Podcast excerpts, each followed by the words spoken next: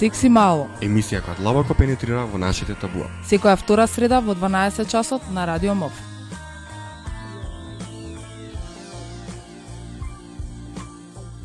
Здраво на сите слушатели на Радио МОВ.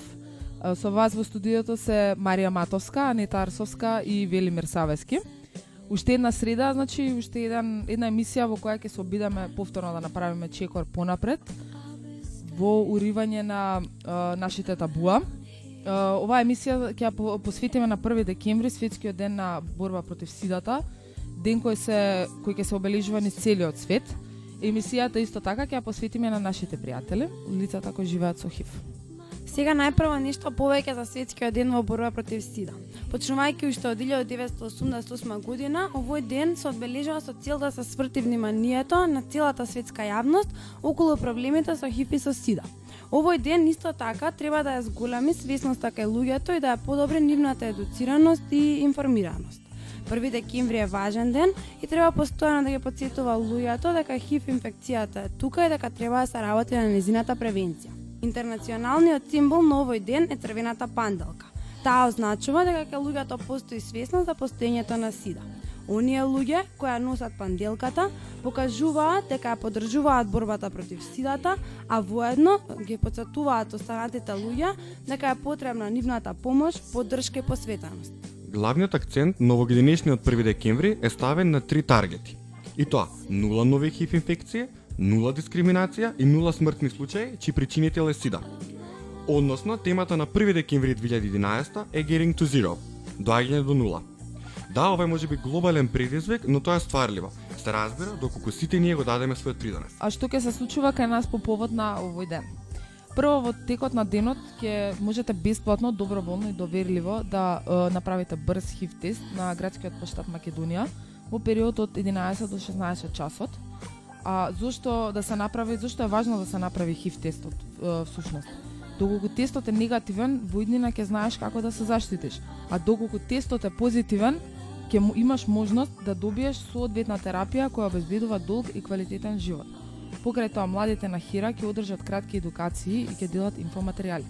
Сите слушатели на МОВ имаат покана да дојдат и да се приклучат на овие наши активности. А во вечерните часови, со почеток од 20 часот, Хира во соработка со МОП организира хуманитарен концерт на оперски арии под слоганот ХИВ не засека сите, тестирај се за ХИВ, поддржи ги лицата кои што живеат со ХИВ. Исто така, во рамките на овогодинешниот таксират во клубот Колосеум ќе се одржи позитивен концерт, а влезницата ќе биде символични 50 денари. А кога сме ке музиката, следува мала музичка пауза. Уживајте. I like London. I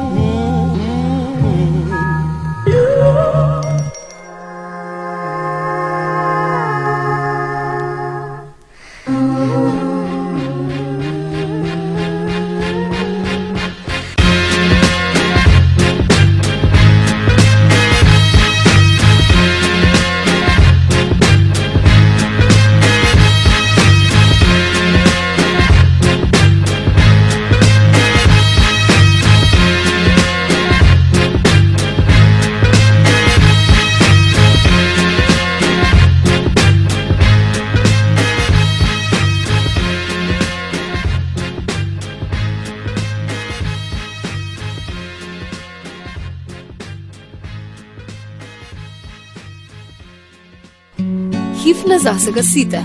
Тоа може да биде твојот брат или твојата мајка, сосед, колега, пријател. Вирусот не прави разлика. Прифати ги лицата што живеат со ХИВ и почитувај ги нивните права. Дознај повеќе за ХИВ, јави се во Хера на 3176 950 или на hivtest.hera.org.mk. Во наредните неколку минути ќе имате можност да го проследите интервјуто кое за нас го дадоа луѓето од заедно посилни, која е неформална група на луѓе кои што живеат со ХИВ. Гласовите на луѓето кои што го дадоа интервјуто се модифицирани, се со цел да се обезбеди нивната доверливост. Како дознавте за вашиот ХИВ статус? Па дознав по тоа што мојот партнер беше дознат дека е ХИВ позитивен и јас одлучив да идам во клиника. И пак не знаев што е ХИВ. И сега одлучив да се тестира. Па за ХИВ статусот дознав пред околу година и половина кога бев хоспитализиран на, на клиниката за инфективни болести. Во тој момент не знаев од што боледувам, имаше неколку сомнежи, а, и а, уште во првите денови, откако ми направија ХИВ тест, и ми го соопштија и потврдениот ХИВ позитивен статус. Дали знаете како сте го добиле вирусот? Го добив преку незаштитен сексуален однос, кој што не било повеќе од еден или двајца партнери. Единствено со него што сум била и бил еднаш или два пати незаштитен. Сексуалниот однос, а све друго беше се во сексуалниот однос заштита. А, не можам да бидам 100% сигурен и не мислам дека некој може да, да знае со сигурност, но се разбира дека а, дека предпоставувам и најголема веројатност е секако дека а, вирусот се пренел преку сексуален однос. Дали и како вашиот живот се промени од кога дознавте за ХИВ статусот? Па, веќе 6 години уназад све исто е, значи живам нормално, значи спортувам, работам, дружам со пријател, значи се исто е само што сум хив позитивно. А, па можам да кажам дека се промени на а, веројатно на многу начини, а, бидејќи а, веројатно ете секој човек во првиот момент е а, шокиран, а, исплашен, меѓутоа од друга страна тоа а, мене лично ме поттикнало да да читам повеќе, да се информирам и а, денес после а, година скоро две а, знам дека а, HIV е една инфекција со која што човек може да живее долг и квалитетен живот, а, дека не мора суштински да се да се промени а, нашиот живот, дека можам да правам се што сум правил и предходно, да спортувам, да патувам, да се дружам со луѓе, а, да се заљубувам и така натаму. Дали имате потешкоти при добивање на соодветен третман? Па до сега не си има десено да да имам, но за воднина не знам дали би се десило, ама не би не би сакала да да има потешкоти. А, до сега, за среќа, не сум имал лично такви случаи, меѓутоа во а, групата а, заедно посилни, каде што комуницираме а, околу 15 луѓе во смисла на тоа да си даваме меѓусебна поддршка и ги споделуваме своите искуства. Знам дека повеќе луѓе имале а, случаи кога им била одбиена а, дури и здравствена а, услуга, се разбира и на клиниката за инфективни болести, која што е главната институција единствена во нашата земја каде што а, се третира ХИВ, а меѓутоа такви непријатни ситуации се случувале на, на други приватни и државни здравствени установи. Дали мислите дека во нашето општество постојат табуа и дискриминација према луѓето што живеат со ХИВ или СИДА? Па вака се, пред неполни 6 години беше голем број, односно луѓето не беа информирани поточно што е што е ХИВ, што е сиде голема дискриминација имаше. Не викам сега дека нема. Има и и сега ама повеќето од луѓето или од младите се информирани може така преку тестирање или преку интернет. Нема не е толку како што беше пред 6 години на, на високо ниво дискриминацијата. Но ипак хипостигните ги ги рачунат луѓе кои што се болни, значи кои што не можат да обстанат, односно да дружат, да живеат живот нормален како секој човек. А, како и во голем дел од светот а, и всушност сигурно секаде да постојат а, и табуа и и дискриминација. За жал, можеби во во нашето општество а, се уште а, нивото на на предрасудите е доста високо и единствено што можам да кажам е дека тоа се должи на недоволното а, познавање на луѓето. Од друга страна, денес во светот а, работите во врска со ХИВ се менуваат а, многу брзо а, и може би дури самите луѓе е тешко да да следат што е ново на ова поле. многу мина веројатно не знаат дека денес а, ефикасната антиретровирусна терапија а,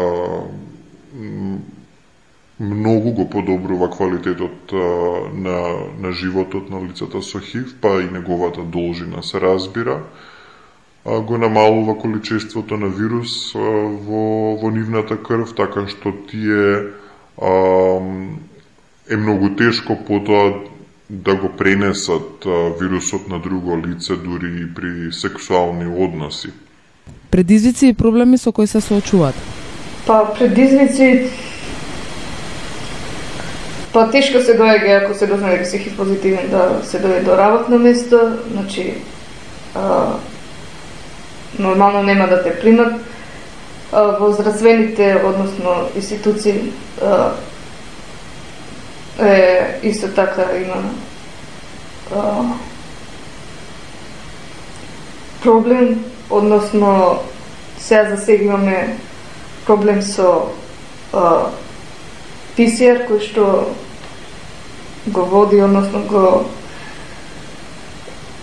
за вирус, вирус, вирусот да види колку е висок во нивото на крвта.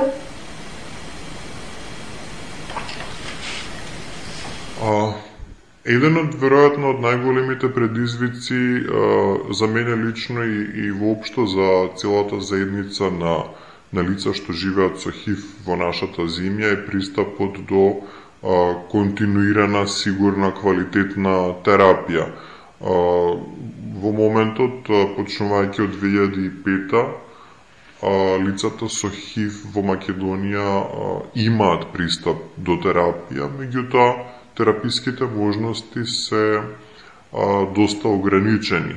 А, иако таа терапија досега ги задоволува а, моменталните потреби, а, можеме да очекуваме многу реално во блиска иднина да се зголемат потребите од различни и од понови и поквалитетни лекови, а, затоа што а, лекувањето на ХИВ е една а, предпоставува една сложена стратегија на, на комбинација на повеќе лекови. А, по известно време, по повеќе години примање на одредена комбинација, човек може да стане а, отпорен на тие лекови, односно вирусот да развие отпорност и во тој момент а, е потребно да се заменат лековите. Од таа причина и а, се потребни потребно е да бидат достапни поголем поголем број на тераписки можности односно на на различни лекови. Дали сметате дека во Македонија луѓето се доволно информирани во оваа област? Па, ја мислам дека не се затоа што повеќето добиваат информации преку интернет, а други кои ќе се информират, значи кои ќе добијат а, информации лично од советувач или во советува во советување затоа што има голема разлика меѓу преку интернет кој ќе добијат информации и значи информации кои ќе добијат преку советувалише на ХИВ за ефективна клиника или во младенски центар, сакам да знам во. А, за жал, сметам дека се уште не постои а, доволно задоволително ниво на, на информираност кај општата популација. Се разбира, среќавам луѓе кои што а, и, и се доволно информирани, бидејќи за среќа денес а, сите информации ни се достапни, ако ништо друго, а, преку интернет. Освен тоа, во Македонија постојат и а, невладини организации, па и некои државни програми кои што повеќе години се занимаваат со, со ова прашање. Клучно е, особено за, за младите луѓе, да, да се информираат. Значи, тоа е и лична обврска на, на секој поединец а, пред се за да секој биде свесен и одговорен за своето здравје, за да биде запознан како да го заштити, а преку а, вистинските информации сметам дека би се намалиле и, и би се отстраниле предрасудите што што општата популација може би ги има кон кон а, ХИВ воопшто и кон лицата што што живеат со ова заболување кое како и секое друго заболување. Нема потреба а, општеството да има некој посебен однос на страв кон нашата заедница. Што би препорачале на нашите слушатели? би ми препорачала јас лично од моје искуство затоа што не мора повеќето да се има партнери за да се има хип доволен еден незашен сексуален однос да го промени животот на една личност, односно и да се скратат желбите на една особа. А, па, веќе реков дека информациите с- м, денес не се монополизирани, се достапни, секој има пристап а, до, до информации. Очекувам а, невладините организации, па дури и нашата група а, на лица кои што живеат со ХИВ заедно посилни, уште повеќе да се да се активираме сите заедно а, во насока на споделување на новите информации, на организирање на соодветни кампањи за општата популација, на анимирање на медиумите. А, мислам дека од, одговорноста за точната информација а, за ХИВ лежи во, во секој еден од нас а, не само за точната информација за овој вирус, туку и воопшто а, одговорноста за справувањето со овој вирус на а, и во нашата земја и на глобално ниво. Како луѓето да станат посвесни за постоење на оваа инфекција? Па свесни може да станат по тоа што без разлика дали имат постојан партнер или партнерка или да да користат значи заштита при сексуален однос или или инфектирање на дроги. А, како што веќе реков, да се информираат.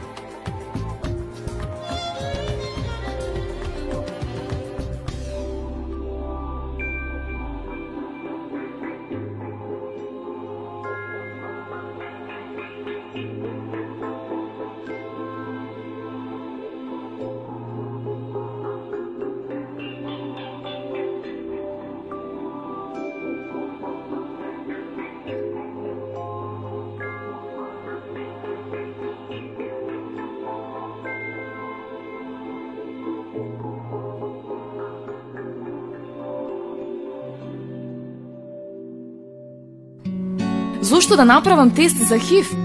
За да дознаам како да се заштитам во иднина. За да преземам мерки за унапредување на своето здравје. Затоа што денес терапијата за ХИВ овозможува квалитетен и долг живот. Дознај каде најблиску да направиш бесплатен ХИВ тест и јави се во Хера на 3176 950 или пиши на hivtest@hera.org.mk. Денес нас имаме уште еден соговорник, Ристина Николова, личност одговорна за односи со јавноста на Македонска опера и балет. Најпрво, добар ден и а, ни интересира како и зошто започна оваа соработка. Значи, добар ден до сите слушатели на МОВ Радио. А, ви благодарам на поканата за гостувањето. Вака, значи, ние како Македонска опера и балет, многу ни е драго што соработуваме со Хера како невладена организација и в долго време значи ги пратиме незините активности и сме тотални поддржувачи на а, идеите и на мисијата воопшто на Хера. А, соработката почна многу наивно, како да кажам, значи добивме понуда да направиме заеднички проект и ни се виде како примамлива, интересна, значи да направиме концерт на кој што кој што ќе биде со хуманитарен карактер, во кои што средствата кои што ќе се соберат од продажба на картите ќе одат во хуманитарни цели, значи за луѓето кои што живеат со ХИВ и за нивно понатамошно лечење. И така, едноставно се случи да направиме концерт на кој што ќе настапат наши солисти, кои што ќе ги најавам, кои се и што, и што ќе изведат. И така, значи тоа ќе се случи на 1 декември во со почеток од 20 часот на малата сцена во Македонска опера и балет. И тоа е тоа. Добро, и што е зборува повеќе конкретно за настан, така што веќе напоминавте така кој ќе настапува, што опфаќа овој настан со почеток од 20 часот. На овој концерт свое учество ќе земат а, примадоните на Македонската опера и балет Висна Гиновска Илкова, Славица Петровска Галич, понатака Ѓурѓе Цусковски, Зоран Сотиров, Дејан Стоев и Сандра Митровска, кои што ќе изведат арии од познати опери. Благодарам многу, се гледаме. И декември. Чао. А ние одиме со уште еден музички блок.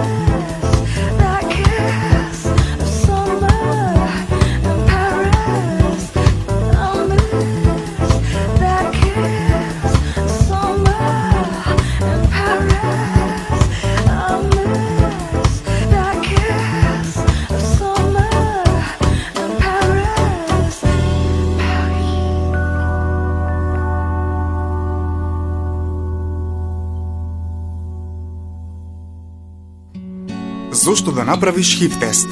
Доколку тестот е негативен, ќе дознаеш како да го намалиш ризикот од HIV во иднина.